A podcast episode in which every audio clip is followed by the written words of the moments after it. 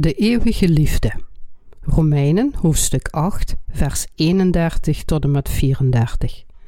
Wat zullen wij dan tot deze dingen zeggen? Zo God voor ons is, wie zal tegen ons zijn? Die ook zijn eigen zoon niet gespaard heeft, maar heeft hem voor ons allen overgegeven. Hoe zal hij ons ook met hem niet alle dingen schenken? Wie zal beschuldiging inbrengen tegen de uitverkorenen Gods? God is het die rechtvaardig maakt. Wie is het die verdoemt?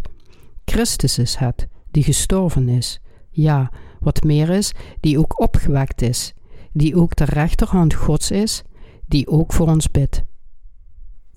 Als God al had besloten om ons te bedekken met zijn gerechtigheid in Jezus Christus, zelfs voor de schepping, dan zal niemand het kunnen verstoren. Door te geloven in de gerechtigheid van God en niet door de doctrine van rechtvaardiging, zijn zij die werkelijk zondenloos zijn geworden, de ware kinderen van God. Als zodanig hebben niet alle religieuze mensen gelijk. Er zijn maar weinig mensen die tegenwoordig worden vervolgd omdat ze in Jezus geloven. Maar velen die de ware gerechtigheid van God kennen, werden vervolgd. De mensen die echter de kinderen van God werden door in zijn gerechtigheid te geloven, kunnen nooit gescheiden worden van God. Als God ons het evangelie van zijn gerechtigheid gaf, wie kan er dan tegen ons zijn?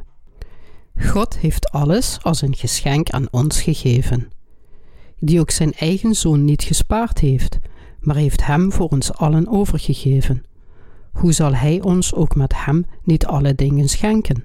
Romeinen hoofdstuk 8, vers 32.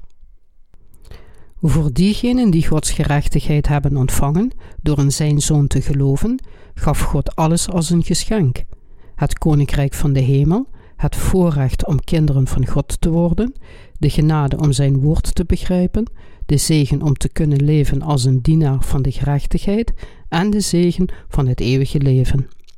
God gaf ons zijn zoon om ons tot zijn kinderen te maken. Wat zou hij ons anders niet geven? God heeft diegenen die het ware geloof door zijn gerechtigheid ontvangen, alle zegeningen van de hemel en aarde gegeven. De gelovigen en de dienaren van God loven hem voor altijd vanwege zijn gerechtigheid. Wie zal beschuldiging inbrengen tegen de uitverkorenen Gods? Wie zal beschuldiging inbrengen tegen de uitverkorenen Gods? God is het die rechtvaardig maakt. Wie is het die verdoemt? Christus is het die gestorven is. Ja, wat meer is, die ook opgewekt is, die ook de rechterhand Gods is, die ook voor ons bidt. Romeinen hoofdstuk 8, vers 33 en 34. Niemand kan een aanklacht indienen tegen de mensen die God heeft uitverkozen met zijn gerechtigheid in Jezus Christus, want Jezus, met de gerechtigheid van God, heeft hen vrijgemaakt van zonden. De mensen die in de gerechtigheid van God geloven door Jezus Christus, hebben geen zonden in hun hart. Dat is omdat God en niemand anders diegenen die in zijn gerechtigheid geloven, zondenloos maakte.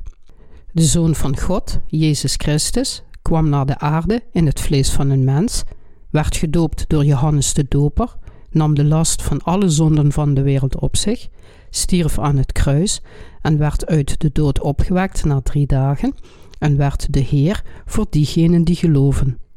Dit is waarom we niet kunnen zeggen dat zij, die rechtvaardig werden door in Gods gerechtigheid te geloven, zondaars en kwaaddoeners zijn. Zelfs nu erkent God diegenen die in zijn gerechtigheid geloven. Het bewijs hiervan is dat de Heilige Geest in hun hart aanwezig is. Daarom kan niemand Gods gerechtigheid, of diegenen wiens zonden vergeven zijn, door in zijn gerechtigheid te geloven, belasteren.